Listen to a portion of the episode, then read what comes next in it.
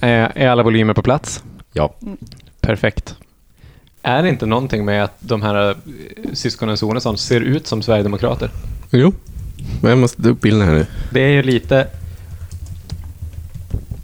Det kan ju, kan ju kännas som ett, eh, en trivial sak att säga och kanske lite taskig mot alla. Mm, Men det är någonting med Men det skägget. är någonting med skäggen. De Ja. har väldigt sverigedemokratiska skägg. Ja. Ja, framförallt eh, eh, Christian, alltså Mm. Precis. eh, Staffanstorpan. Vad heter han? Karl-Johan? Karl-Johan. Eh, Karl- Karl-Johan ser ju också sverigedemokratisk ut, men han ser lite mera... Han ser ut som en Stockholms Sverigedemokrat. Ja, exakt. För han ser lite, mer, han ser lite rikare ut. Det är som Vilket han ju Kent, säkert är också eftersom han är ordförande i RS. men det är som Kent och Teddy Ekeroth. Ja. Där en av dem, där jag också tror att de är tvillingar, där en av dem bara ser ut som en rik- som, som att han offrades för att Kent skulle bli bra. Just det. Som, Alltså tidigt i livet så skänkte mamma Teds själ till Satan. du, du menar som, som när örnmammor bara, bara matar den ena ungen så Ja. att den sen ska kunna äta sitt svagare Ja. syskon. En, en dagsaktuell nyhet är att Kent Ekeroth gör reklam för kasinos på, på Samnytt. Äh, vänta, jag måste ta fram det här. Det, det, alltså, ja. Okej. Spelguiden. Vi jämför Sveriges bästa kasinon. och sen, och sen Samnytts spel, Samnytt är alltså Sverigedemokraternas alternativ mediasida. Alltså så, Ja. 100% kopplat till Sverigedemokraterna. Det är inte, det är inte så en vag koppling. Samnytt Spelguiden. Spela dina favoritspel. Hitta kasinos, bonusar, free spins och jackpots. Checksymbol. Vi listar endast trygga kasinon med svensk licens. Checksymbol. Spela ansvarsfullt och med måtta. Kasino ska vara kul. Checksymbol. Det är roligt att det är som att Kent Ekeroth har hamnat i en botgenererad Ja, annons. ja, ja. Men också, också, att den här, den här 3D-farbrorn Ja. eh, som man bara ser nacken av, ser ut som Kent Ekeroth. Checksymbol. All vinst går oavkortat till Samnytts verksamhet. Mm. Och, där, och då tycker de bland annat att man ska spela spelen Bonanza, Extra Chili, Mega Moola, Book of Dead.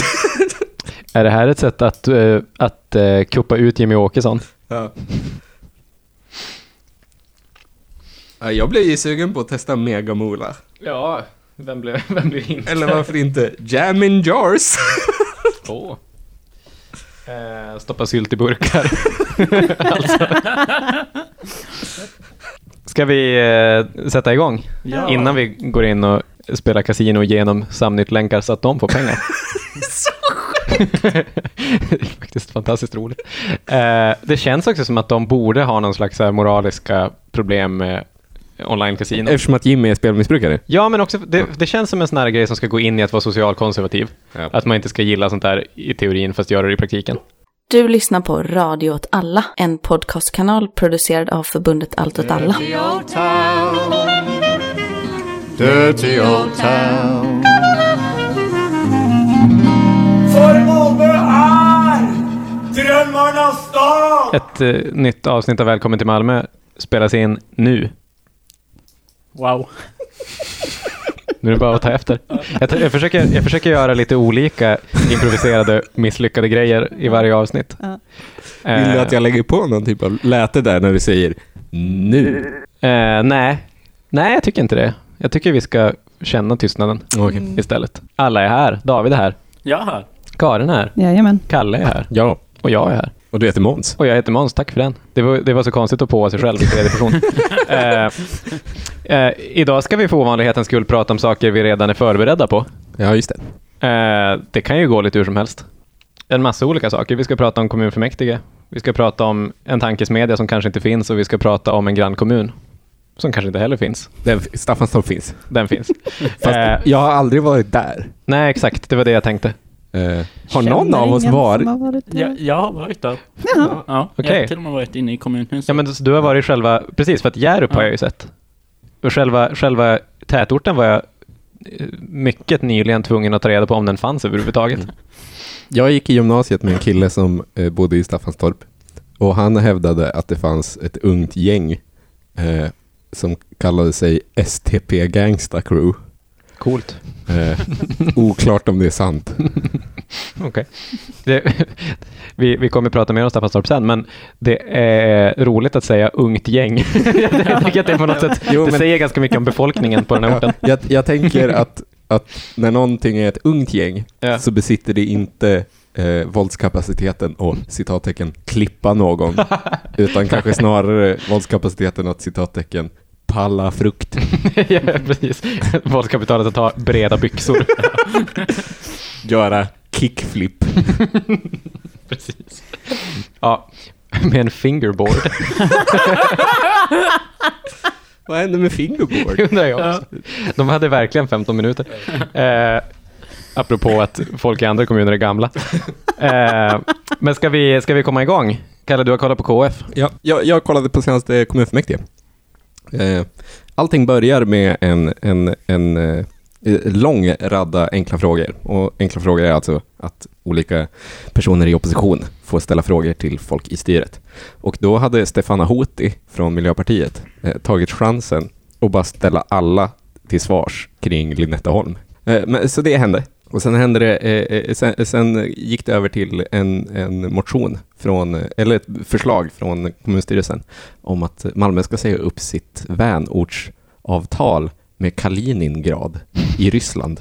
Eh, men, eh, och, och, och det här är kommunstyrelsens förslag eh, och alla partier ställer sig bakom det här. Och, och i vanlig ordning när någonting är, är, är en partisan överenskommelse där alla håller med varandra så ska alla ändå gå upp och säga att de tycker det här är bra. Och, och vissa kan sköta det ganska snyggt. Typ Vänsterpartiet gick bara upp och sa vi tycker det här låter bra. Vi yrkar bifall. Vi tycker det är viktigt. Krig dåligt. Och, och, och, och de flesta gjorde så. Medan Magnus Olsson eh, i egenskap av sverigedemokratisk galning och rättshaverist han kan liksom inte hålla sig.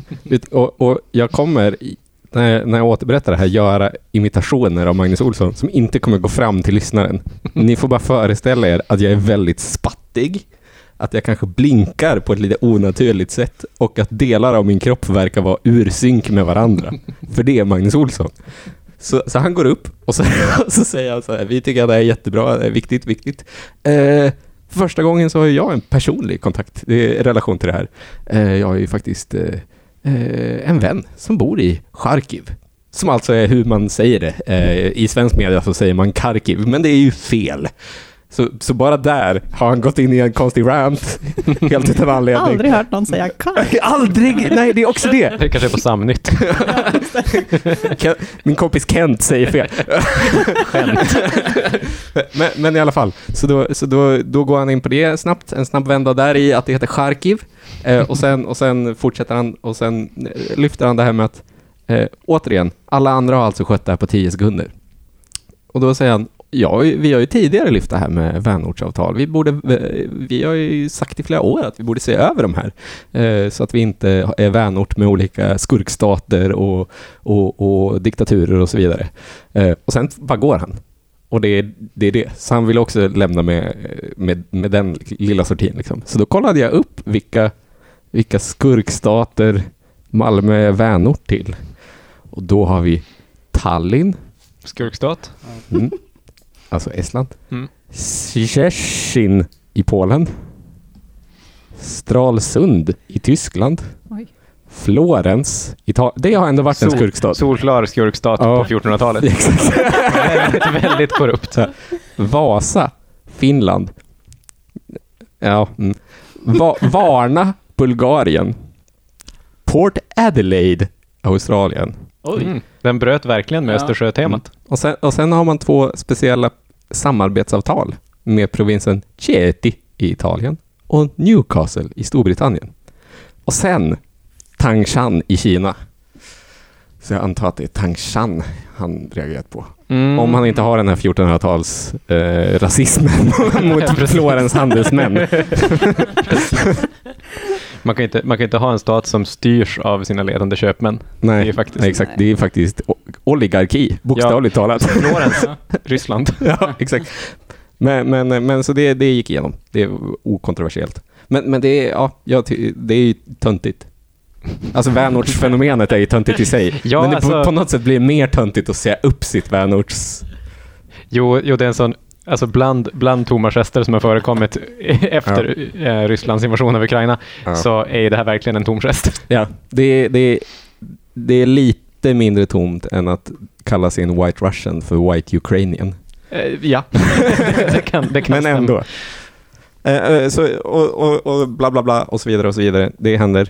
Men det fanns ju en punkt som faktiskt väckte lite intresse i den 3 mars eh, kommunfullmäktige. Och det var punkt 3.5. Fråga från Lars-Johan Hallgren SD till Andreas Schönström S angående åtgärder för skydd av hundarna. Ja, det är någon som inte vill ha förgiftade köttbullar. Exakt! för, för det är Lars-Johan Hallgren, han har förfasats över att någon där ute i Malmö stad lägger eh, eh, glassplitter och annat i, i köttbullar och andra bullformer och låter hundar äta dem och dö.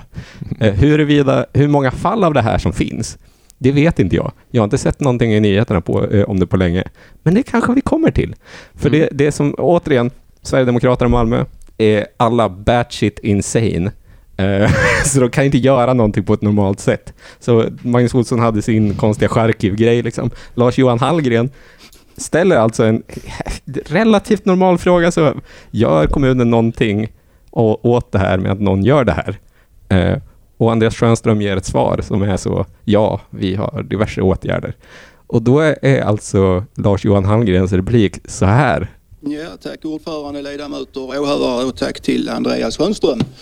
Ehm, jag tackar för svaret Andreas och jag förhåller mig väl rätt så nöjd till det svaret. Ehm, jag trodde och hoppas, hoppades att det här skulle vara en fråga som du skulle uppskatta och svara på och ehm, det verkar det som att du, du faktiskt gjorde och du gav ett, ett bra svar på det här. Det enda jag kan tycka är beklagligt det är ju att, att eh, till exempel media inte har skött sitt eh, arbete i det här fallet heller och ställt den här frågan till dig och svarat på inför en bredare publik i tv, tidningar och radio. Men eh, vi fick ett bra svar här i alla fall och jag tackar för det. Varför har inte Andreas Schönström bjudits in till Opinion Live och ställts till svars? Vart är Uppdrag granskning? Men alltså hörde, hörde ni också vilken jävla själslig skiftning det blev så fort han gick från att vara snäll mot Schönström till att vara hård mot media? Ja, exakt. Det, det var verkligen som att det var något som bara klickade till. Ja. Han, han bytte röstläge till flera toner lägre. Jag kan ju inte stå här uppe och vara relativt normal. Det går ju inte. Men det är också roligt att innan dess låter det, det låter mest som att han ställde frågan för att vara snäll. exakt. Jag hoppades att du skulle Ja, tycka det här var kul. Och det, ja, äntligen! Jag ville bara att du skulle älska mig. Men, men, men, men och jag har ju, jag har ju haft eh, min teori om vem det är som lägger, lägger glassplitter i köttbullar runt om i Malmö. På samma sätt som jag hade en teori om vem som är trädhataren. Eh, och då har jag ju sagt att det är John Roslund som en ond, ond plan för att byta ut alla eh, stadens träd med smarta city-träd. Eh, det är bara en teori, jag spekulerar. Jag har ju haft teorin att hundhataren är Magnus Olsson. Och det är bara taget eh, rakt ur luften. Det är mest för att han är lite konstig. Just det. Jag har nu ändrat mig. Jag ändå lite, lite övertygad om att det är Lars-Johan Hallgren. för Andreas Schönströms svar är så Det här. här är en balansgång för det är uppenbart, jag är inte psykolog och ska kanske inte ställa några diagnoser på folk. Men det är klart att den här, den här personen som gör det här, den blir ju klumpigt vaggad. Alltså, eh, det är ju något galet med den här personen. Eh, och eh, jag tror att det är en balansgång när man har med precis sådana personer att göra. Det är hur mycket uppmärksamhet man ska ge det. Eh, För det riskerar att trigga igång nya sådana här eh, vansinnesdåd. Vi har haft det här problemet. Vi hade problem med folk som gav, någon person som gav sig på ett träd. Det är en balansgång. Där man inte vill ge dem för mycket uppmärksamhet. De som gör de här vansinnesdåden. De som var klumpigt vaggade. Mm. Vem är det som nu kräver att media ska prata mer om hundhatare? Det är sant, det är sant. Lars-Johan. Mm. Jag kommer fortsätta övervaka det här för att jag är väldigt mycket för den här senaste årens utveckling av att Malmö blir mer och mer som Gotham. Eh, Ja, precis. För att det är också något lite su- mer superskurket över någon som kan få ett namn som trädhataren eller ja, exakt. hundmördaren.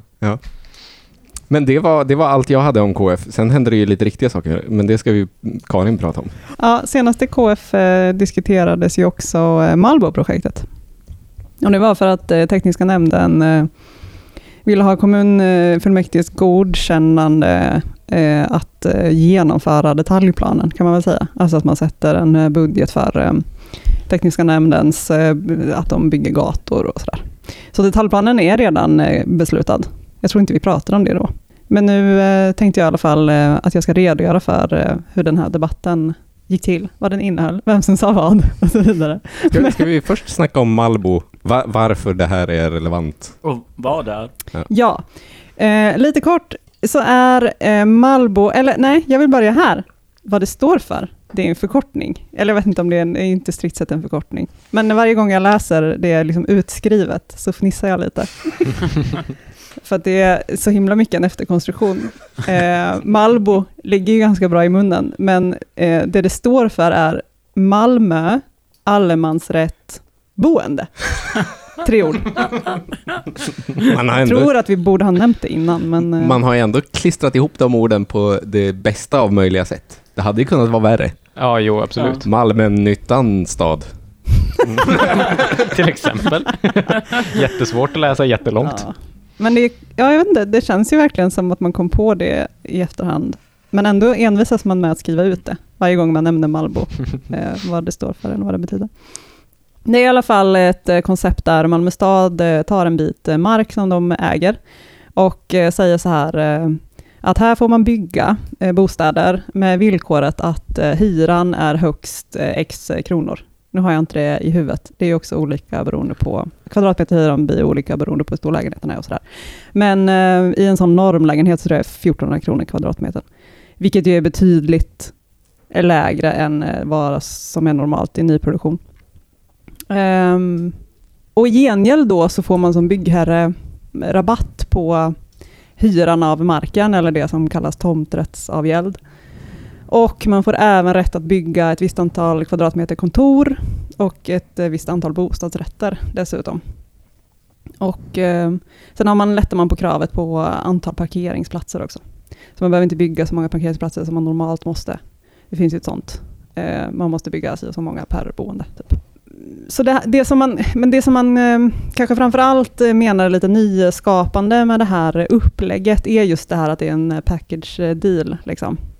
Att byggherren, förutom att bygga billiga hyresrätter då, får lov att bygga kontor och får lov att bygga eh, bostadsrätter och på så sätt kan citat balansera kostnaderna mellan de ingående delarna då.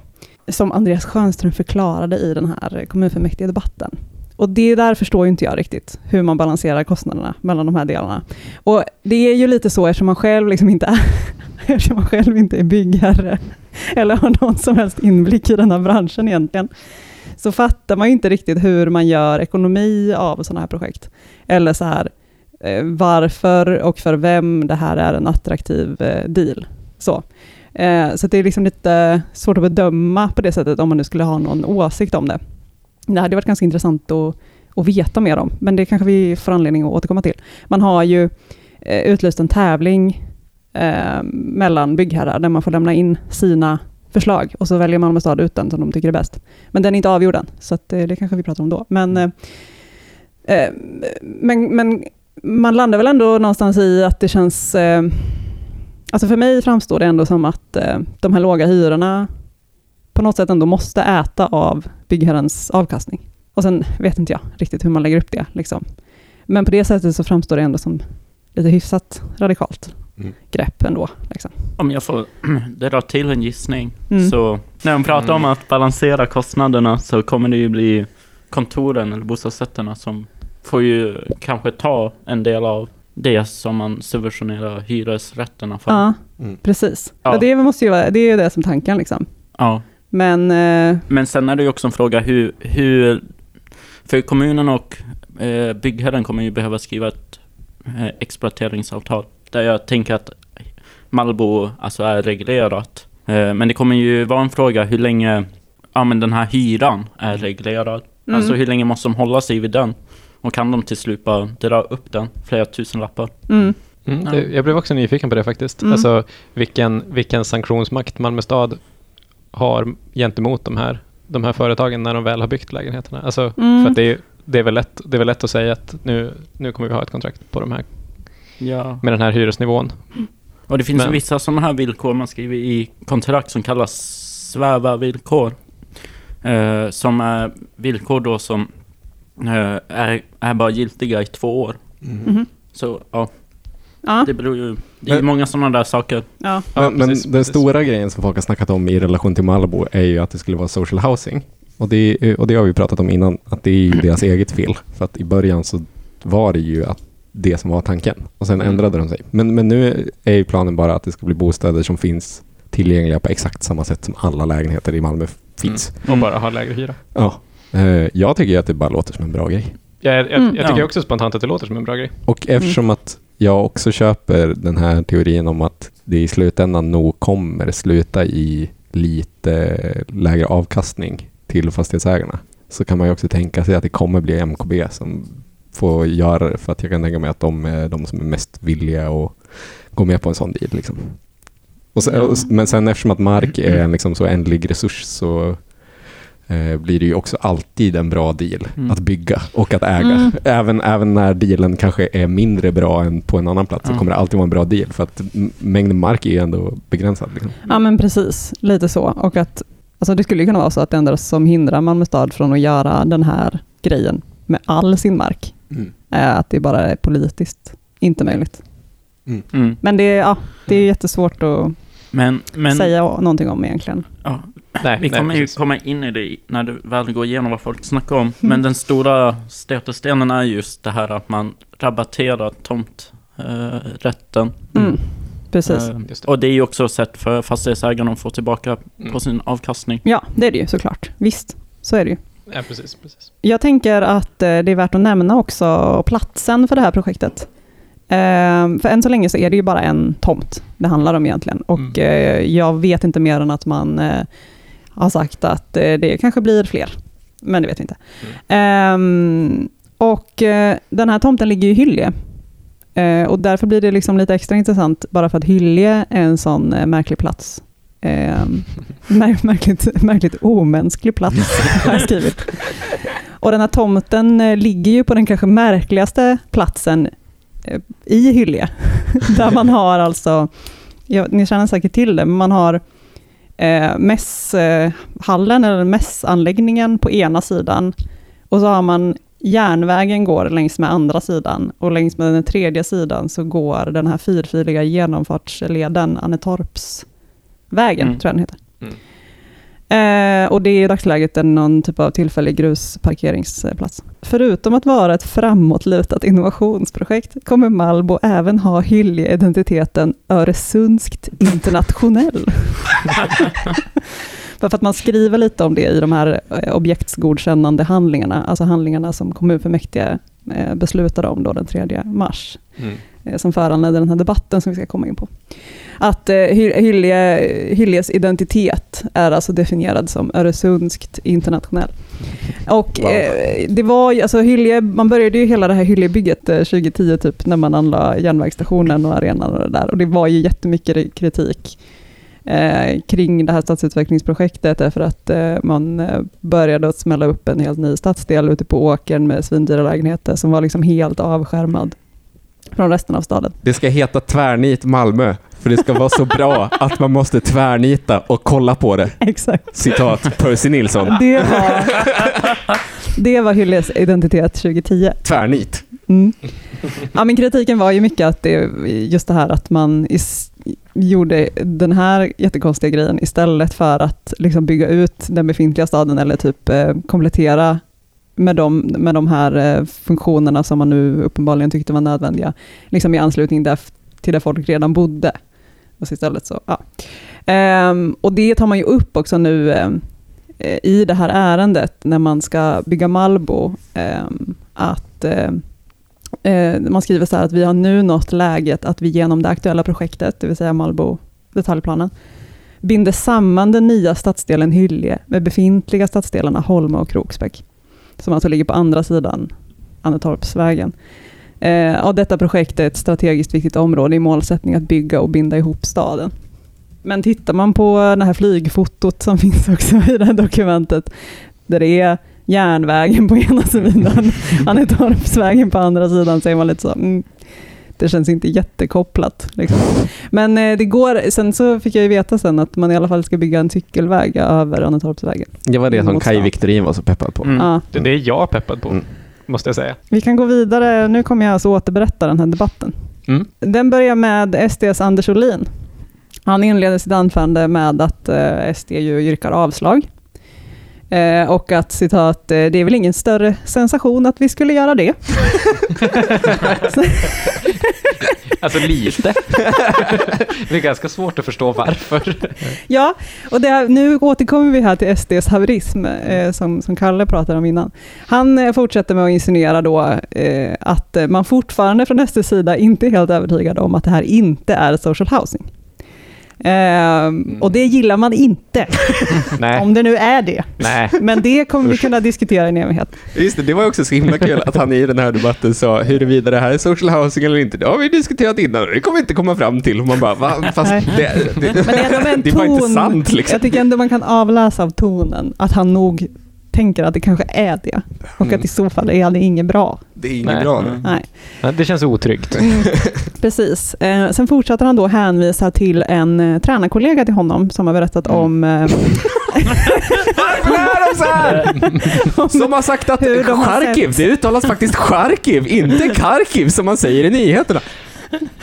den här tränarkollegan har ju berättat då om han har sett eh, så här 300-procentiga prisökningar på vissa byggmaterial under den senaste tiden och eh, Anders Olin undrar då om det här inte, det här eh, prisutvecklingen på byggmaterial som vi absolut inte kan förutse eller påverka på något sätt, om det inte kommer leda till att eh, eh, kommunen i slutändan måste gå in med ännu mer subventioner för att det här bygget ska bli av. Och det gillar man inte heller. Eh, får jag, får jag fråga varför, varför hans tränarkollega har liksom insyn i den här Nej, alltså, frågan? det hade varit bättre om han, för att jag antar att tränarkollegan kanske är i branschen. Då Det kan, han det kan man tänka, men det känns som att det är min kanske det man skulle... kollega som är byggare. Som jobbar på Byggmax. Ja, så. Det kan också vara att Anders Olin jobbtränar till byggnadsarbetare. Ja. Att han har arbetsträning på uh, Exakt. Veidekke. Ehm, ja, men i alla fall så under den här debatten då där eh, Andreas Schönström svarar och sådär, då blir det ganska tydligt att SD har ju en i grunden principiellt helt och hållet motsatt hållning mot Malmöprojektet och det här förslaget. Det vill säga, de tycker inte att kommunen överhuvudtaget ska subventionera eller på andra sätt försöka pressa byggpriser för att få ner boendekostnaderna. Eh, eftersom eh, man inte tycker att det är kommunens plats, men också att man inte tycker att det ska vara ett politiskt mål att alla ska ha råd med en bostad i Malmö. Mm. Det blir liksom tydligt.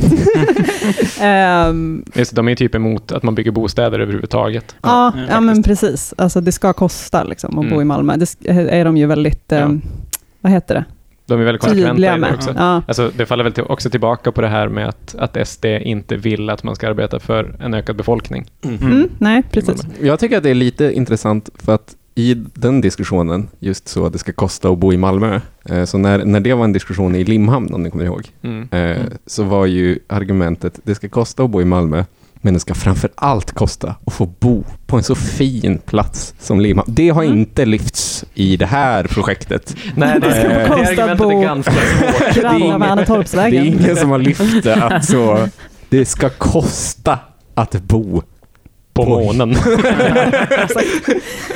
Ja, ehm, ja men, jag, men det är ju så att de har mycket, de skulle kunna ha väldigt mycket liksom, ideologiskt politiskt stoff här, men eh, det Anders Olin i alla fall säger till slut är att eh, jag, ger, jag ger Andreas Schönström en chans att överbevisa oss. Vi yrkar ju avslag nu den här gången, men det kanske blir bra och då kanske vi säger ja nästa gång. jag, tycker, jag tycker att allt det, här, allt det här känns som att, alltså, båda de två sakerna ni har pratat om, får det att kännas som att SD siktar på att samregera med Schönström. Exakt, att de är så inställsamma. Inte med hela sossarna, men med honom. Men jag, jag tycker ju också att det är ju en så himla, alltså eh, eh, relaterat till ämnet, men just de här haveristerna liksom. Att det är så kul att deras partier måste ställa upp på det. Så typ varje gång John Roslund har lyft en så hairbrained, det är kanske inte haverism, det är någonting annat, men varje gång han har lyft någon så lite crazy lösning på så en teknisk konstig lösning. Vi ska sätta ett skitstort filter i kanalen. Eh, då, då ställer partiet upp och är så, ja, det här kommer ändå inte gå igenom så vi röstar för. Men eh, det var ju också en rolig sak som hände under just den här eh, frågestunden. För det är ju att eh, de konsekvent uttalade ju Olins namn fel. Jaha. Först var det Ulin, sen var det Selin Nej! och sen, var, och sen till slut kom de till Olin. Men det, och, och då trodde jag att eh, Andreas Schönström hade kommit på en ny härskarteknik. Bara uttala namnet fel. Taskigt. Sen är det ju då eh, oppositionspartierna eh, Moderaterna och Centerpartiets eh, tur att gå upp i talarstolen. Eh, de yrkar inte avslag, eller yrkade inte avslag på det här. Eh, men de lämnade in ett så kallat särskilt yttrande, för de vill ändå säga någonting om att det kanske inte är så bra ändå. Och det är Håkan Fält då från Moderaterna som inleder debatten med att eh, beklaga sig över att det är ju väldigt tråkigt, det här ärendet, på många sätt. Men framförallt därför att styret uppenbarligen inte gör ansträngningen att reparera den skada som har lett till de här höga produktions och boendekostnaderna i Sverige. Det vill säga skadan Boverkets riktlinjer. Höga krav. Ja, ja, men eller snarare så här, det var lite orättvist, snarare tolkningen av anpassningarna till, anpassningarna till Boverkets riktlinjer som Malmö stad gör. Nej. Så för att de verkar ändå vara medvetna om att Malmö stad inte kan besluta om Boverkets riktlinjer. Det är skönt. Ja. Eh, och, och, och med det, det betyder alltså att man tycker att eh, eh, det är väldigt begränsande eh, för byggbranschen i Malmö att, att eh, typ eh, ett sovrum ska ha fönster och inte vara en garderob och sådana Mm. saker. Det kan man ju ändå tycka, ur byggbranschens perspektiv. Ja, Ja. det hindrar innovation och, och, och pressar upp eh, produktionskostnaderna och därmed eh, boendekostnaderna. Innovationen, livegenskap. Ja, eller, eller så in, innovationen, väldigt tjock vägg, väldigt smal springa som släpper in lite ljus fast utan ett glas. Ja. Ja, just det. Eh, Smart. innovationen, eh, eh, eh, asbest. Ja, många, det finns många innovationer. Eh, Men sen, sen, sen, sen ballar den här debatten nu lite. Eh, Kaj Victorin från Centerpartiet eh, går upp och stämmer in i det här argumentet och menar att eh, istället för att ta den enkla vägen då att bara rabattera marken, vilket man i sak tycker är ganska dåligt, för man tycker att det här är en resurs som är Malmöbornas eh, gemensamma egendom och eh, vi ska inte hålla på och ge bort den. Eh, Istället för att göra det så borde styret ta itu med och vända på alla stenar. Och då går, går Stjernström upp och liknar Victorin vid Obelix Ja, det med sina konstigt. bautastenar och säger Bring them on. Kom med alla stenar så vänder vi dem tillsammans. Kommunfullmäktige är så konstigt ibland. Kai eh, svarar då Stjernström, eh, nej han svarar att Stjernström gärna vänder på de stora stenarna, men han vänder inte på de små. Och det ligger ju på styrets ansvar att ta initiativ, att vända på stenarna. Så gå hem och vänd på de små stenarna, Andreas, säger Oj. Kai. Hårda Eh, ord. Stjernström och eh, Simon Kristander från Liberalerna som också kommer upp och, och stämmer i. De eh, ställer sig väldigt frågande till vilka stenar det är vi pratar om. det framgår inte. Det är både de små och de stora. Eh, de förstår ju att det är, stenarna är anpassningarna till Boverkets riktlinjer. Men, eh, ja. men, men de eh, vill ju gärna eh, eh, ha lite mer konkret. Vad är det här? Vad menar ni? Vad är det för anpassningar? Vilka riktlinjer är det ni tycker att vi inte borde, eller vad ska vi göra? Kan ni nämna en? Liksom? Och, mo- men Moderaterna fortsätter att det här är ju faktiskt inte vårt ansvar. att vända på stenarna är ju eh, de som har makten som får göra. Så. Just det. Och vi- definiera stenarna också. Mm. Vad sa du? Och att definiera vad stenarna är. Ja, Mm. absolut. Så att mycket av debatten eh, kommer ju att handla om att eh, Moderaterna anklagar sossarna för att inte ta sitt ansvar som eh, styrande i kommunen och kommer med fler lösningar och hindrar innovationen. Och sossarna undrar varför Moderaterna inte har några egna innovativa lösningar. Och då slutar det med att Moderaterna är så, vår lösning är maktskifte. Den var bra. Boom! Det är också sjukt att med, med tanke på vem Moderaterna har i sitt stall, Mm. att de eh, eh, kräver av sossarna att vara de som kommer med innovativa lösningar. Ja, exakt. Det finns en person med lösningar. Ja, men det är det. Mm. Men eh, han höll tyst alltså. Ja, slut på debatt. Ah, ja. Eh, Det känns inte så, pre- precis som, som allting som rör Malbo så känns det som att man inte riktigt säger så mycket. Nej. Alltså nu, nu är det ju någonting som, som närmar sig att bli verklighet Mm. givetvis. Mm. Men det har ändå varit en följetong genom hela vår podd i stort Ja, det, det är det jag tänker, att den rör sig ju framåt något oerhört långsamt. Ja, men det är inte slut. Jag är så peppad på att se anbuden när Ja, man kan begära exakt. ut dem. Mm. Jag vill se alla tokiga lösningar. Kan vi göra ett anbud? Lägga ett anbud? Det är nog för sent. Det är det enda som stoppar oss. Ja. Ja. Vi sitter ändå på ganska bra kompetens. Fyra skarpa hjärnor. Vi bygger med asbest. det blir billigt. ja. Jag har upptäckt ett innovativt material, freon. Fyller, Vi ska bygga huset av freoner. Precis. Bara smä, smäller upp papp och fyller ut det med hårspray ja. däremellan. Bra, bra KF. Oh, känns som ett ovanligt, ovanligt bra KF. Ja, det brukar inte vara så här intressant. Fan vad skönt att pandemin är slut. Ja, men eh, va, gud ja. Fan vad det var tråkigt. Ja. Eh, Men, men jag, tyckte, jag tyckte inte att det framgick riktigt hur, eh, hur mycket jag uppskattar att Stefana Hoti verkligen ställde alla till Alltså det var typ fem enkla frågor på rad.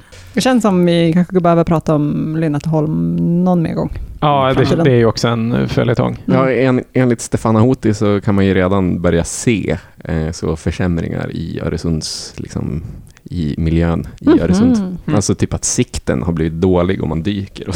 Ja. Oj. Ja, det är väl inte så förvånande i och för sig. Nej, det För borde det är ju att man bli... gräver upp jättemycket botten Ja, och bara rör runt. precis. Jag litar i och för sig ganska mycket på miljöpartister när de säger sådana här saker. Mm. Jag tänker att Ja, Miljöpartiet... just miljöfrågor. Ja. Ja, exakt. Ja. Inte klimatfrågor kan jag tycka att de är lite cass i, just eftersom att de eh, är, är där, liksom har, det är inte deras arv på samma sätt. Men just i miljöfrågor så känns det som att de alltid har det. Ja, att, att eh, det är så många som är i Miljöpartiet som kanske som del av att de har varit miljöpartister också har blivit experter. Mm. Alltså, det är mycket folk som är liksom miljövetare och Mm. biologer och sånt. Så att hon är säkert på fötterna. Jaha. Simfötterna. Vi får... När hon alltså, är där under.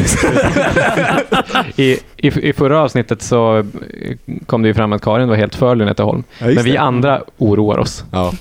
Vad ska hända med min sikt? Vad ska hända jag. med huden mellan mina tår? I, ingen har tänkt på min sikt. Nej, precis, precis. Eh, En annan, eh, jag, ty, jag ty, tycker heller inte att jag la tillräcklig emfas vid hur min, min instinktiva reaktion på att Malmö skulle ställa in sitt vänortsavtal med Kaliningrad var verkligen så, nej. Nej men varför ska vi göra det? För att jag har, jag har ändå en syn på världen. Att, att städer, städer är någonting annat än stater.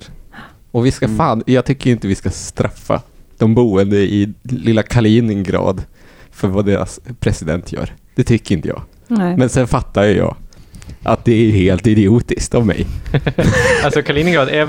Så, jag, jag ska inte säga att jag vet jättemycket om Kaliningrad, men det är väl i praktiken en rysk militärbas. Ja, och det styrs väl säkert av någon ifrån Putins parti liksom. Men det är ändå någon, någon instinkt som är så, nej men det är väl inte samma sak. Varför måste man ge sig på, ja. Mm. Ja. Det var Malmö det var stad ju kanske borde upprätta nya vän, vänorter eh, på ett nytt sätt. mm. Mm. Typ, typ som, eh, Med, typ som med gräsrötterna. Exakt, Ja. typ som staden Neapel eh, ha- har en massa vänorter runt om i världen. I Chiapas, i Såklart. Mexiko och i Bakur, Kurdistan. och så, som, som också har utnämnt subkommandant Marcos och Abdullah Öcalan till hedersmedborgare. Det är ändå fett, det tycker jag att Malmö stad så Abdullah Öcalan, om du lyckas fly från fängelset på den här turkiska ön där du bor, ta dig till Neapel, där är du trygg. Ja. Eller till Malmö i framtiden. Mm. Jag tror Magnus Olsson hade reserverat sig. Vi har ju faktiskt flera gånger diskuterat, lyft den här frågan om att vi kanske inte borde ge skurkar hedersmedborgarskap. Som till hundmördaren. ja. Eh, Men en annan sak som har hänt på sistone, det är att det har gjorts ett kryddigt utspel. Mm. Ja, och jag har ju läst då en artikel, som jag ofta gör. Ja.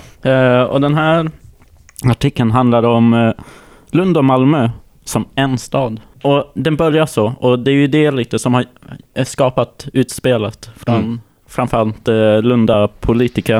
Eh, men sen när man kommer ner lite i den här artikeln så ser man att det handlar bara om mellankommunalt samarbete. och, och det blir inte så juicy längre. Men det visar sig att det, för jag är inte så intresserad av att diskutera just den här frågan om Lund och Malmö, men det visar sig att det här, den, det är en rapport som är skriven av en tankesmedja som har det otroligt dåliga namnet Intelligence Watch. med en lika dålig logotyp som är faktiskt framtagen av en byrå. Jag tycker inte den är så dålig alls. Jag tänkte säga samma. Jag Va? tycker den var Den är ganska cool. Det är ett. I och ett W och sen ser man en liten gubbefigur ju. Jag gillar gubbefiguren. Nej, Jag ser inte gubben. ja, men den, är- den är som där. Ja. Nu, nu är vi ett eh, visuellt medium här. Ja. Ja. Jag eh, googlar och föreslår att den som är nyfiken gör detsamma. Mm. Men, men i alla fall, så den här tankesmedjan, ja, men, de skriver på massa debattsidor. Det är typ det de gör ungefär. Eh, det handlar lite om ekonomi, lite om hållbarhet. Eh, de är till, till exempel för uh, väggebörjan. Eh, de är emot fetma. de, de är för ja, men allt som har med Öresundsregionen. Och de är emot social housing. Ja, så de är egentligen inte på... Alltså de har ingen mer radikal ståndpunkt än alltså, politikerna i Malmö, exempelvis. Mm. Ja. Och det visar sig när man tittar på vilka som är medlemmar i den här tankesmedjan, att det är just Malmö stad och Lunds kommun. Va? Ja, med många av till exempel Malmö stads olika bolag. Mm. Och många av dem som sitter som, och eh, ja, högskolorna i Lund, Malmö och Kristianstad. Men också en del privata bolag, typ eh, Peab och... Ja, Nordea. Ja. Ja, väldigt mycket. Ja, för det som är, det är ju att folk från alla de här ställena, högskola, MKB, Malmö stad, Nordea, alla de sitter ju i den här tankesmedjan och skriver för tankesmedjan. Så det är som en väldigt så här märklig cykel eh, där, där man har två kommuner som är medlemmar, ja, som eh, sen liksom har eh, olika personer inne i tankesmedjan som skriver eh, debatter för att få igång en, alltså politik. Och då är det ju liksom, ja, och det är ju också tjänstemännen och inte politikerna som är i tankesmedjan. Alltså det, det blir en sån här märklig situation av det hela. Mm. Mm. Jag, jag tycker att ehm, det här lilla, lilla medieuppbådet som det, som det ändå skapade, när Mm. Malmö, Malmö stad och Lunds kommun var jävligt hårda på att det här kommer vi aldrig göra. Vi Mm. vill inte gå ihop med varandra. Eh, då missade man ju den viktigaste frågan, eller det viktigaste förslaget, nämligen att Malmö stad skulle byta namn till Malmö kommun. Ja, exakt. För staden är ju Malmö-Lund. Exakt. Men- Exakt. Men jag tyckte också det var så himla Oinnovativt. Ja, tackar. Uh, inaktivt eh, förslag eftersom tanken är ju egentligen bara att det ska vara samarbete med Malmö stad och Lund och några andra kommuner. Och för att Malmö stad och Lund har en arbetsmarknad och högskolor. Men vet ni vilka andra som har en arbetsmarknad och högskolor? Greater Copenhagen. Yeah! Det finns liksom Det kan mängder. skalas på alla nivåer. Ja, jag tror till och med att den här äh, lilla eh, samarbetet Sydkorea och Nordkorea hade mellan, skulle kunna klassas in i där. De hade som en liten fabrik som de delade på. Jag tyckte eh, att det blir så himla skrattretande när eh, de inleder ju, de, de pitchar ju den här idén om att Malmö och Lund ska vara en stad eh, med att säga att stadsbegreppet är inte rättsligt reglerat. Man vet att det är sexigt sälj. ja, men det är också som att de bara... Eh, är men liksom, jag vet inte vad, det är någonting som är väldigt roligt med det, eftersom att det är ju inte rättsligt reglerat. Vad, alltså, en stad kallas ju en stad, bara för att folk Mm. säger att det är en stad och tycker att det är en stad. Liksom. Mm. Det är ju Mm. bara ett ord. Eh, och det har ju de då verkligen tagit vara på. Mm. Och då är liksom hela deras, deras eh, bidrag är liksom eh, att men då kan vi ju säga att Malmö-Lund är en stad. Mm. För Om- det är om- inte. Vi Om får ingenting det. spelar någon roll, Ja. då kan vi ju göra vad vi vill. Och att deras, deras, deras USP liksom, för varför, det här, eh, varför man ska lyssna på dem, är att det här är citat den första ögonöppnaren för att det håller på att växa fram en Malmö-Lundstad. Mm. Som att de var de första som noterade typ att Malmö och Lund har väldigt mycket gemensamt, alltså har en gemensam Ja. arbetsmarknad och att, typ att det är ganska exploaterat liksom, geografiskt mellan städer. Så Ja, och det är, också- inte de som har kommit på Nej, det, det. det är jättemycket bullshit. Alltså det är ju varför vi hade kommunreformen 74. Man såg ju till att Bu- Burlöv hamnade mellan Malmö och Lund för de inte skulle kunna växa ihop. Det är ju hela Mycket med heta känslor här nu. Ja. Men eh, förut, alltså rent i praktik, precis som eh, du säger, eh, så är det ju bara att man vill att det ska bli ett mellankommunalt samarbete Ja. och sen att Malmö stad inte ska heta Malmö stad längre för att det blir förvirrande när Mm. man då ska etablera det nya begreppet Malmö-Lundstaden. Mm. Då kan man inte säga Malmö stad, får det heta Malmö kommun. Mm. Men det är också, läste jag på deras hemsida, att de föreslår att kommunerna, Malmö och Lund, men också de som ligger däremellan, alltså Burlöv, Lomma och Staffanstorp, sluter en stadsstadga som bättre speglar den funktionella arbetsmarknadsregionen. Eh, och sen att man har den här mellankommunala samverkan. Liksom. Stadsstadga eh, fick jag googla på. Och jag tror, nu ha, mm, om jag minns rätt så är det liksom ett samlings... Eller det jag kunde hitta i alla fall var att det är liksom ett samlingsbegrepp för olika typer av så här, ordningsstadgor som man hade i städer typ på 1800-talet. Det låter ju fruktansvärt medeltida. Ja, eh, det är nog lite senare än eh, så, men, eh, men ändå ett par hundra år sedan. Liksom, man, man hade så här brandstadga typ, och någon så här sjuk, eh, kanske någon hälsostadga med regler liksom, för vad som skulle gälla i en stad. Så. Mm. Ehm, och så ja, under paraply begreppet stadsstadgorna. Så, så, Så det är det de vill, de vill att vi Ja. ska skriva Så då. deras grej är att begreppet stad är inte rättsligt reglerat, men vi ska banne mig ta tillbaka de här medeltida stadsstadgorna. Om jag, om jag får sia lite kring det här, jag vill inte, jag vill inte racka ner för mycket på Lund här nu, men, men om jag ska sia lite kring det här mellankommunala samarbetet eller vad det nu skulle vara, så tänker jag att det skulle bli lite som eh, Lund Comedy Festival. Alltså som sker varje år och som varje år är P3 Malmö Festival. Ja, det är som Greater Copenhagen Area helt enkelt. Ja, det bara är Copenhagen area. förskjuter skulden ett steg. Ja. Kan inte jag få läsa en notis från eh, Intelligence Watch hemsida som jag fastnade lite för när jag scrollade. Det är att de har en sån, eh, vad heter, alltså längst upp så är det så här en, en typ en banner liksom med små korta textnotiser och en cool bild och så kan man och så bläddra den så här så att det händer någonting på sidan liksom. Eh, och då en av dem har rubriken teknologiska framsteg och hot. Och så står det så här, mänsklighetens samlade kunskap exploderar. Superentreprenören Elon Musk, som är involverad i Paypal, Tesla, SpaceX, SolarCity och Hyperloop, vill se en mänsklig koloni på Mars under sin livstid. Han varnar samtidigt för AI som det största hotet mot mänskligheten. Nytt stycke. Intelligence Watch följer de teknologiska framstegen, möjligheterna, hoten och konsekvenserna för hållbarhet. Och då tänkte jag så här, det här är en, eh, en push för en eh, rapport eller åtminstone någon längre text eller med någon typ av innehåll. Men det, det är ingenting mer. Det är bara det. Liksom. De, de har koll. Jag letar efter en sån läs mer-länk. Typ. För att jag tyckte att det lät så himla flummigt. Det kunde vara kul.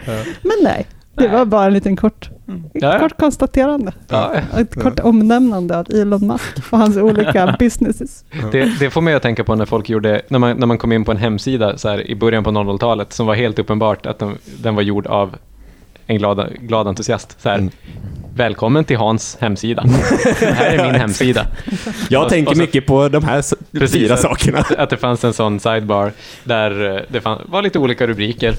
Kanske någon klippart på en astronaut, ungefär som här. Men, någon liten reflektion från Hans sida. Det här påminner mig om en tanke jag haft innan, att jag bävar inför när John Roslund upptäcker Elon Musk. För det kommer, det kommer bli mycket motioner om hyperloops och grejer.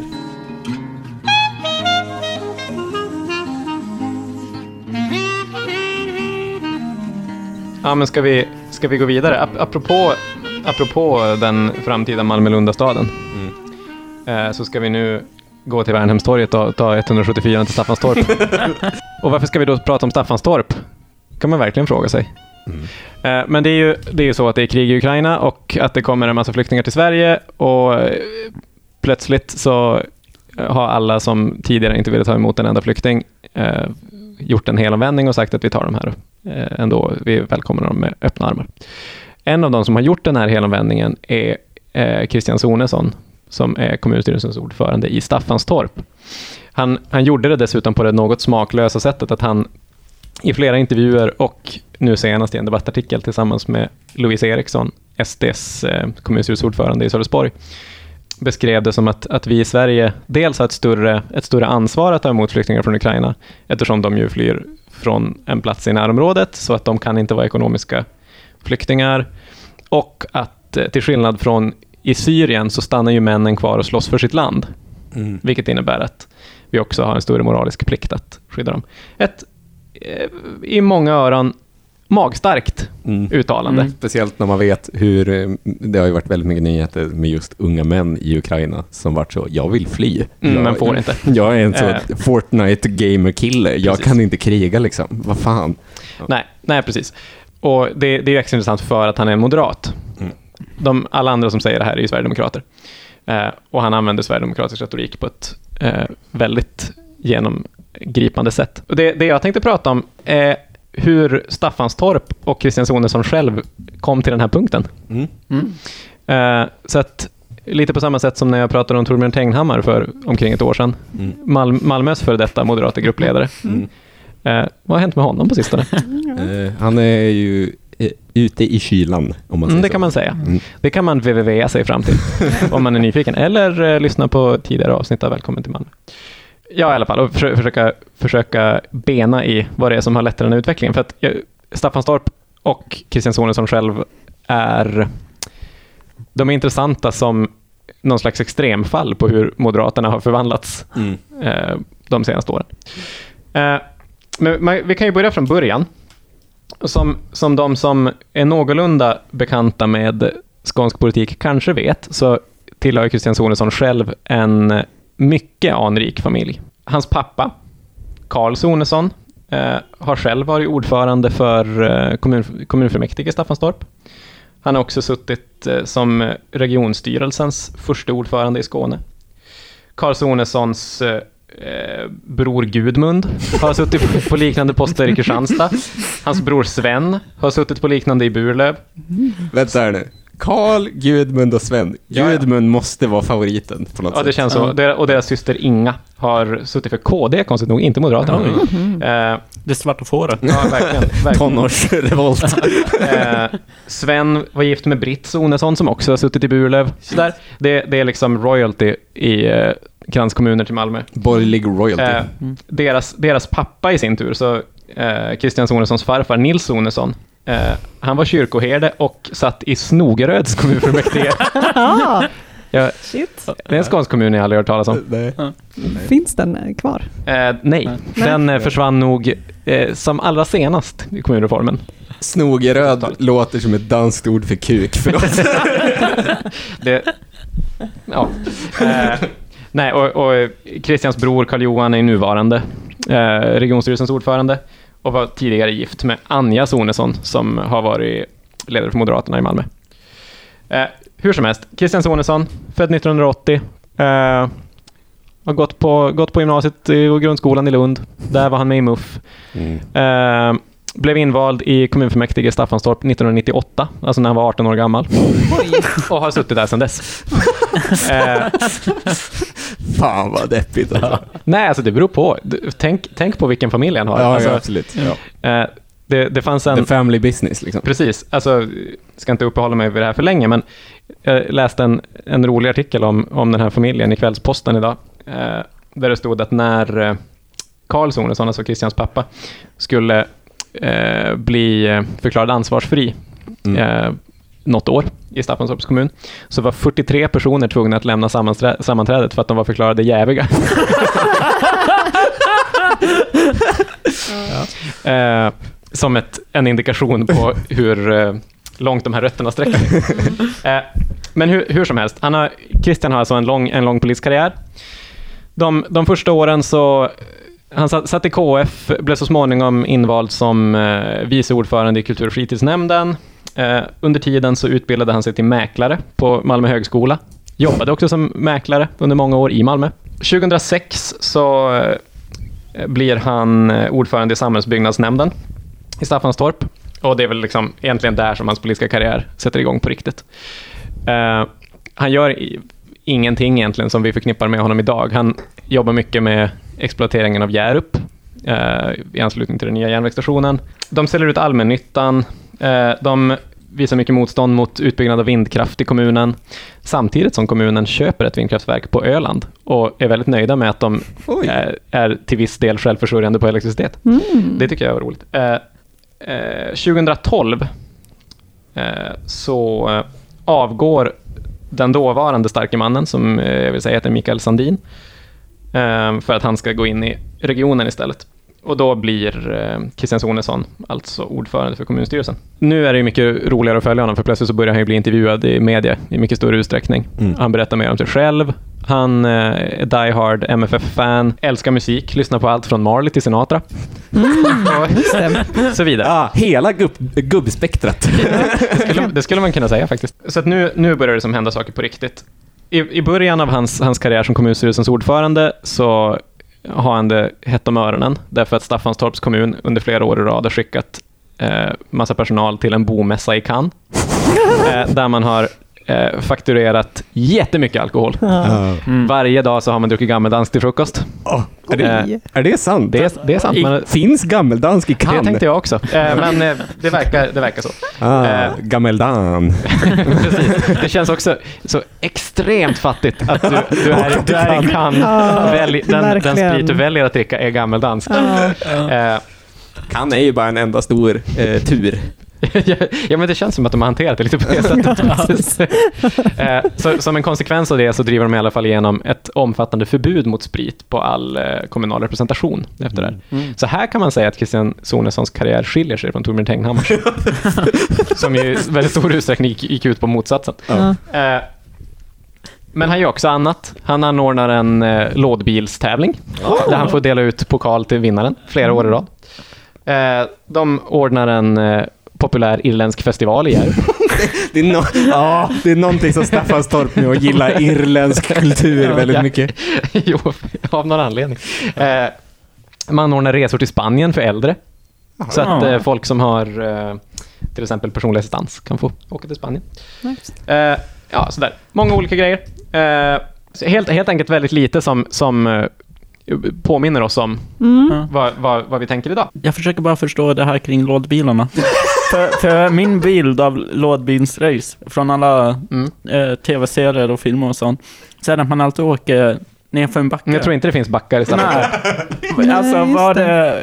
Den, den, den hölls också varje, på sportlovet, så det måste ha varit kallt och jävligt. Christian Sone som Det- puttade alla barnen personligen. Så kan det faktiskt vara. Det vore trevligt. Han, han, alltså jag tycker överhuvudtaget att när man läser om honom på 00 och 10 och tidigt 10-tal så verkar han ganska trevlig. han pratar mycket om hur han är ute och går på promenader och träffar folk. Och, ja, så här, han dyker ofta upp i offentliga sammanhang. Och så. Hade han någon traumatisk upplevelse därefter? Alltså så, det, det fortsätter så här 2013-2014. Det är, har ingenting med invandring att göra, inget lag och rättvisa. Eh, 2014 så menar han att det i Staffanstorp finns ingen grogrund för främlingsfientlighet. Jag upplever Staffanstorp som en tolerant kommun där folk faktiskt tittar på människan. Vi har väldigt många duktiga invandrare här som försörjer sig eh, och sin familj och utgör goda exempel i samhället. Redan här kan man såklart, om man ska ha ett kritiskt öga, säga att det här är en väldigt moderat syn på att inte vara rasist. Alltså att det finns invandrare som faktiskt inte är som alla invandrare. Och utan invandrarna, ingen pizza. Nej, nej, men Och exakt. utan pizza, inget Staffanstorp. Exakt, exakt. Men det, det där börjar ju som ändra sen, bortåt, bortåt 2015. Fast i, i, i början på 2015 så, så är, det, är det fortfarande som att vi inte vet vart vi är på väg. För att man, man tecknar till exempel ett avtal med Migrationsverket om att ta emot kommunplacerade fly- flyktingar. Eh, vilket ändå är, får man säga, lite oväntat. Eh, det här är alltså precis innan det kommer en tvingande lagstiftning som gör det omöjligt för kommunen att säga vare sig ja eller nej. Så att sista gången de har chansen att säga någonting så säger de ja. Men utanför Staffanstorp så börjar det hända grejer i Moderaterna. Först att eh, efter decemberöverenskommelsen, det vill säga när eh, det bildas en socialdemokratisk minoritetsregering eh, som ett sätt att hålla SD ute från makten och att undvika nyval. Just. Eh, då är det ju moderater i alla Skånekommuner som eh, praktiskt taget, med början i Kävlinge, som eh, går emot sin egen partiledning och kräver att man ska döda decemberöverenskommelsen eh, och kräver nyval istället. Sen när den här tvingande lagstiftningen för flyktingmottagande kommer så gör Moderaterna i Skåne ungefär samma sak och Sonesson är med på det här också. Men det som att Staffanstorp själva har in, egentligen ingen röst Nej. i sammanhanget. 2016 så kommer då de kommunplacerade flyktingarna dit. Det börjar bli problem att hitta platser för dem att bo. Något senare, men ändå, ändå i anslutning till det, som man, som man sjösätter den här eh, bosättningsplanen som som de har fått så mycket kritik för, där man har stoppat nyanlända i husvagnar och andra, andra typer av eh, ja, väldigt, väldigt enkla Inga lådbilar. Inga lådbilar. Man placerar också nyanlända i Lund, Staffanstorp, nej, Lund, eh, Sjöbo och Vellinge.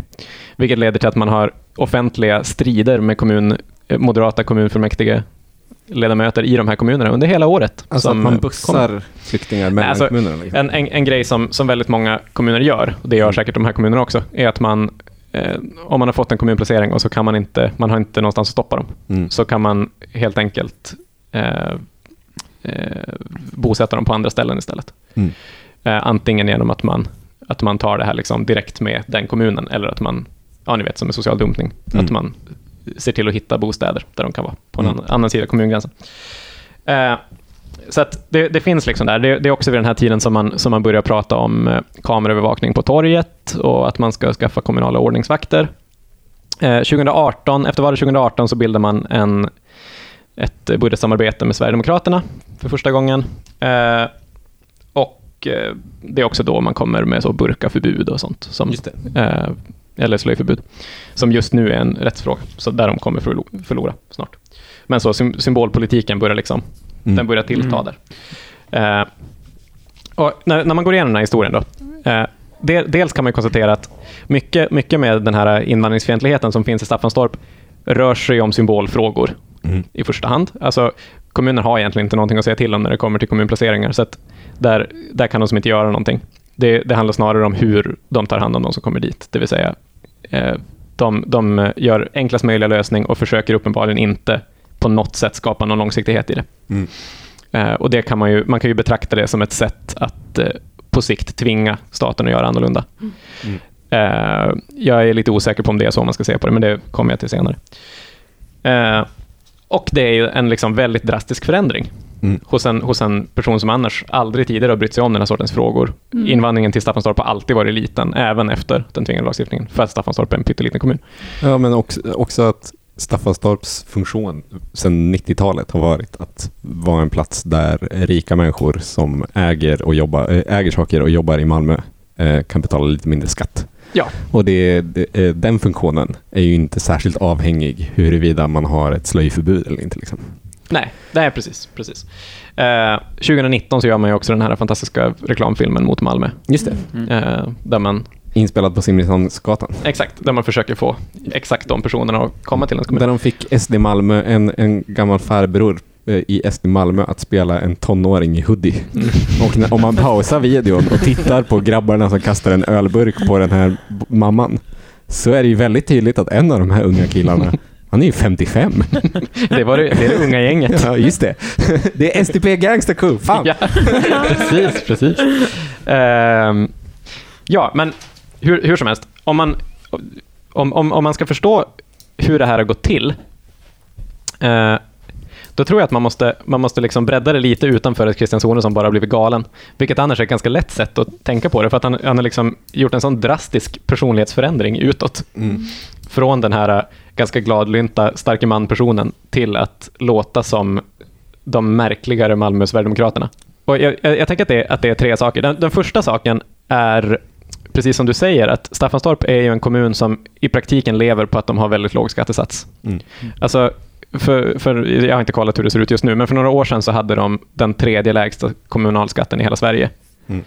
Eh, och de är liksom en, en grundmurat moderat kommun. Mm. Eh, också på grund av det här, kan man väl föreställa sig.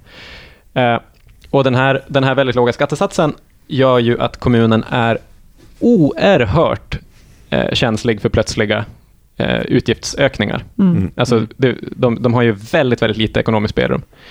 Eh, och redan, redan innan flyktingkrisen så hade man problem med bostadsbyggande. Eh, Christian Sonesson, Sonesson själv var ju givetvis aktiv i att försöka få igång bostadsbyggandet på något sätt eftersom han satt i samhällsbyggnadsnämnden som ordförande. Eh, men så det, det, fanns ett, det fanns ett enormt underskott.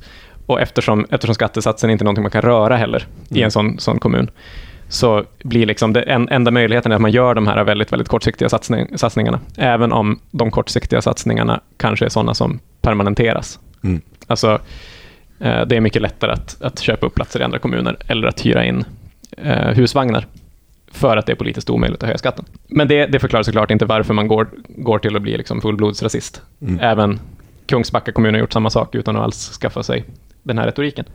Eh, och den, så den andra saken, det är att genom hela den här historien så löper en väldigt speciell relation mellan Moderaterna och alla de andra partierna, framförallt de andra borgerliga partierna. För att Moderaterna i Staffanstorp, de ligger liksom på, de är alltid över 40 procent. De är liksom som socialdemokrater i Norrbotten. Der, deras, deras möjlighet att samarbeta med de andra borgerliga partierna har varit väldigt ansträngt. Under, i, I praktiken, under alla de här mandatperioderna, så har det varit slitningar mellan dem, oavsett om Moderaterna har styrt själva eller i samarbete med de andra. Inför valet 2010, så, eh, när, när, man, eh, när det var väldigt aktuellt att man skulle eh, styra som någon typ av allians i framtiden, Mm. så eh, tryckte Moderaterna i Staffanstorp upp valmaterial där man uppmanade folk att inte rösta på Folkpartiet, Kristdemokraterna och Centerpartiet med argumentet att det eventuellt kan vara en röst på Socialdemokraterna. Wow. Eh, och sådär. Och Mod- Moderaterna har, har insisterat på att man, att man ska ha enskilda förhandlingar med alla de här partierna, inte med dem som grupp. Eh, Folkpartiet har hela tiden fungerat som någon slags antingen opposition inom majoriteten eller som en slags andra opposition bredvid Socialdemokraterna. Mm. Eh, som har varit väldigt kritiska mot mycket som kommunen har gjort. Så Folkpartiet drev mot utförsäljningar av allmännyttan och allt möjligt. Och det gör ju att, att när, när Moderaterna minskar och möjligheterna för att eh, bygga koalitioner i kommunen, eh, när, då, när det blir mycket, mycket svårare på grund av SD och sådär, då blir de också extremt beroende Mm. av, ett, av ett samarbete med SD. Mm. Så att där, där, där tänker jag att man, att man jag, jag tänker att man också måste, måste på något sätt få in det också. Att Moderaterna i Staffanstorp, just på grund av att Staffanstorp är en väldigt speciell plats, Mm. har en sån helt annan strategisk situation än vad de har någon annanstans. Mm.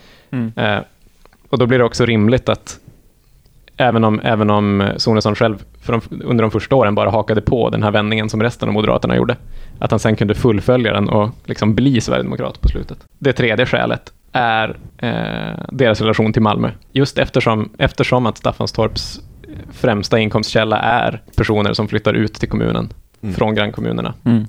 Och de har Malmö som sin liksom symboladade motpart. Mm. Eh, Lund fungerar inte som den motparten. Du kan inte, du kan inte liksom marknadsföra dig på att du är något annat än Lund, för vad är det? det är, så här bor människor som är dumma. en fantastisk video spelas upp i mitt huvud någon, där, det, där det en, en barnfamilj går längs med en gata i, i Lund och där står en 55-årig man i studentmössa och, och, och kastar... Eh, vad dricker man i Lund? Jag vet inte, typ punch. kastar en punschflaska efter barnet. Nej, men exakt. Otroligt Men- men- obehagligt. Men i den här filmen så är det tänkt att man ska förstå att den här 55-åringen är 55. För han är en sån så kallad Exakt. livstid, livstidsstudent. Mm. Han har 15 kandidatexamen. Ja, exakt. exakt. Eh, nej, men jag, jag, jag, tror, jag tror att eh, Malmö spelar väldigt stor roll, faktiskt. Alltså som en sån mobiliserande Mm. kraft för, för det här partiet. När Christian Sonesson successivt håller på att skjuta sitt eh, familjeföretag i sank. Ja! Alltså, det går ganska bra för. Jag ville säga något lite klatschigt, men det är inte sant egentligen. Det går skitbra för Moderaterna. Alltså, Ja. De har 42 procent, SD är svagare där än i resten av landet. Shit. Eh. Men Moderaterna är också på väg ner från typ 50 procent. Ja, okej. Som de har varit en gång i tiden. Men ju- om jag skulle, jag skulle ju sammanfatta Sonessons liksom karriär och liksom vändningar eh, mycket utifrån å ena sidan ett lillebrorskomplex. Mm. För storebrorsan sitter i regionen och får jättemycket högre lön. Och regionen är bara generellt, alltså om du är borgerlig, alltså om du, om du är sosse till exempel, då är ju stegen ganska mycket ja, i majoriteten av landet. Att du, att du är, kommun och sen kommunalråd och sen kanske kommunal, kommunstyrelsens ordförande till, till exempel. Och sen har du riksdagen. Liksom. Mm. Men de borgerliga har ju det här mellansteget där, som är regionen, som är en jävla untapped market för, eh, för liksom sossarna, för att de styr typ inga regioner. Eh, Och där kan man tjäna så jävla mycket pengar. De har jättehöga löner. Mhm. Alla som sitter i regionen.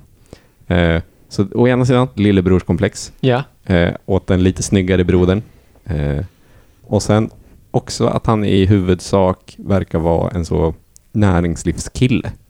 Mer, mer än, än liksom politiskt övertygad om någonting så känns han ju som att han bara hänger i den sfären. Liksom. Typ, typ när det var så nyhet om att Staffanstorp skulle utreda om de kunde köpa bitcoin. Då tänkte jag direkt, ja men det är att Sonesson har så typ spelat eh, eh squash med någon som, som vart så eh, daytrader liksom. Mm. Och sen har han känt, jag vill också, jag vill också. Eh, men mitt företag, mitt företag är kommunen liksom. Ja, och, de, och han skaffade ju också eh, så att de fick eh, Microsofts dataservrar dit. Som var ju Visst det, det var en ju liten skandal. småskandal. Mm. Mm. Alltså under false, false pretenses. Ja, precis. Och att, men, men det är min bild av Sonesson-familjen och liksom Christian Sonesson speciellt är att de väldigt mycket är sådana som bara vill få bestämma saker. Och de, de ogillar byråkrati. Och de vill att, att så kommuner och staten ska fungera exakt som ett företag. Liksom. Mm, det kan, jag- det kan jag Mm. tänka mig. Eh, jag har inte, har inte sagt det heller, att det finns ju också en, en lång historia av adel i Staffanstorp. Mm. Och det passar ju väldigt bra in på den här familjen. Mm. Eh, alltså familjen Wachtmeister hade mycket inflytande i Moderaterna i Staffanstorp förut. Och Mhm. Det finns mycket sådana gårdar. Alltså kommunen är, för några år sedan så var det 80 procent eh, jordbruksmark. Mm. Och så där. så att det är så här, det, det är också som ett litet feodalsamhälle som man sitter och Mm. snurrar runt på. Helvetet på jorden. Med ett BMW-lager. Det visste inte jag att de hade. Har de? Mm, det är fett. Av gamla bilar? Nej, nej, alltså, så om du ska köpa en BMW så, Kommer den gå igenom Staffanstorp? jag tror det. Ja, då blir det Volvo för mig. Precis. Men, men jag har bara en fråga kring allt det här. När vi pratar om den här kortsiktigheten och eh, det låga skattetrycket. Mm. Har man eh, gjort några försök på liksom eh, privatisera alltså de kommunala verksamheterna? Eller bara fört in med new public management? Extremt, extremt mycket valfrihetsreformer Ja, Mm. i alla kommunens verksamheter. Också. Det, det kan man väl säga att i, i den här tiden innan han blev tokig populist så var det det han gjorde. ja. Alltså under hans första år som kommunstyrelsens ordförande. Mm. Det känns som att det var den enda politiska linjen de hade egentligen. Jo, just det. Det är roligt att efter valet 2014 så hade det, det går också in lite i deras lite svåra situation. Att redan 2014 så hamnade de i en sån Moderaterna och de borgerliga partierna hade typ 20 mandat och det finns 41 mandat i kommunen. Mm. Mm. Så då var de tvungna att förlita sig, förlita sig på SPI som tungan på vågen. Det tycker jag var roligt. Det kan fan inte hända ofta. Alltså, Sver Sver vad heter det? Sveriges pensionärers intresseparti. Eller något. Men vad, vad, vad, vad, vad hade det av eh, SPI? Eller vad fick de igenom, igenom samarbetet? Men det måste ju varit de här ja, det kanske var Spanienresorna. Spanienresorna. det kan fan vara det. Det var fan inte lådbilarna. Nej, det tror jag inte. Då bryter man höften. Ja, dessutom vet du vilka som åker lådbilar? Ungdomar. Ja. Och vet du någonting som SPI inte gillar? Ungdomar. Ungdomar. Nej, det tror jag verkligen inte Framförallt gör. ungdomar i fordon. Nej, ungdomar med fingerboards. Fingerboard är olagligt i Staffanstorp. Precis. Mot lokala ordningsstadgan. Precis. Eh, ja, men hörni, ska vi... Försök att ta pågatåget in på, eller 174 in i Staffanstorp med en, en, en fidget spinner. Du blir plockad direkt. Ja, precis. Nationella bombskyddet kommer. Men, men det är ju... Eh, de har ju klubbat en ny översiktsplan i Staffanstorp. Va? Ja. Jag bara får fortsätta lite på Staffanstorp. Ja. Och där ska det vara med om gated communities. Just Så de, kör, Just det. de tågar ju på med det. Mm. Sen får man ju se hur det blir i verkligheten. Mm. Jag säger ju inte att det kanske direkt blir det här klassiska grindsamhället med vaktposter och så. Nej. Jo, det, det var två, sak, två saker jag glömde bort. Jag, nu kör jag bara så listmetod. Men eh, är det det, två dels, punkter på listan? del, dels är det roligt att de hatar ju Malmö, men de vill också väldigt gärna ha en superbuss till Malmö. Eh, det, det, Kulturell appropriering. Ja, de- definitivt, definitivt. Det känns också som att de som gillar superbussar i Malmö är de som Staffanstorp hatar. Ja. Men, Jag. Ja, precis. Mig personligen. Precis. Eh, men, eh, så, så, som del av hans så här Trump förvandling. Dels är det roligt att han sedan 2020 inte pratar med Sydsvenskan. eh, och det är helt obegripligt varför. Eh, men också att eh, de, jag vet inte om de fortfarande gör det, men åtminstone i slutet på februari så skulle de börja göra återkommande lunchdemonstrationer på fredagar för eh, sänkta, ben- sänkta Ja, eh, vad heter det, drivmedelspriser. Mm. Eh, vilket ju alltså är exakt samtidigt som Fridays for Future Mm. eh, demonstrationerna. Och när han, när han blev ifrågasatt om det här i Skånskan, eller vilken tidning han nu pratade med, Mm. eftersom han inte pratade med Sirius, eh, så sa han Nej, men det har jag inte tänkt på. eh, men jag tycker att i Sverige ska alla få demonstrera när de vill. Jag tror att han har tänkt på det ändå. Det finns ju... eh, Där, nu tangerar ju det här min andra podd, alltså rekreation. Men det finns ju en, ett stycke från Michael Hart och Antonio Negri, som är två marxistiska teoretiker som man inte förväntas ha läst när man lyssnar på den här podden, om att, att högern inte bara är reaktionär utan den är direkt reaktiv. Den har ingen egen agens längre utan den bara reagerar i negativ solidaritet på när någon tycker någonting och tror att världen kan bli bättre. Så bara sparkar de bakut och är så nej! Då kan, ju, kan man ju tänka, det kan man ju tänka lite på när man hör om, eller när man ser Christian Sonesson stå på något torg samtidigt som Fridays for Future. Jo, faktiskt. Att högern, högern vill bara omskapa världen till det helvete som de själva redan tror att den är. Ja, och det helvete som de ständigt lever i mentalt. Precis. Får avsluta det här avsnittet. Yes. Hej då. Hej då! Dirty old town. Och härmed så säger jag bye bye.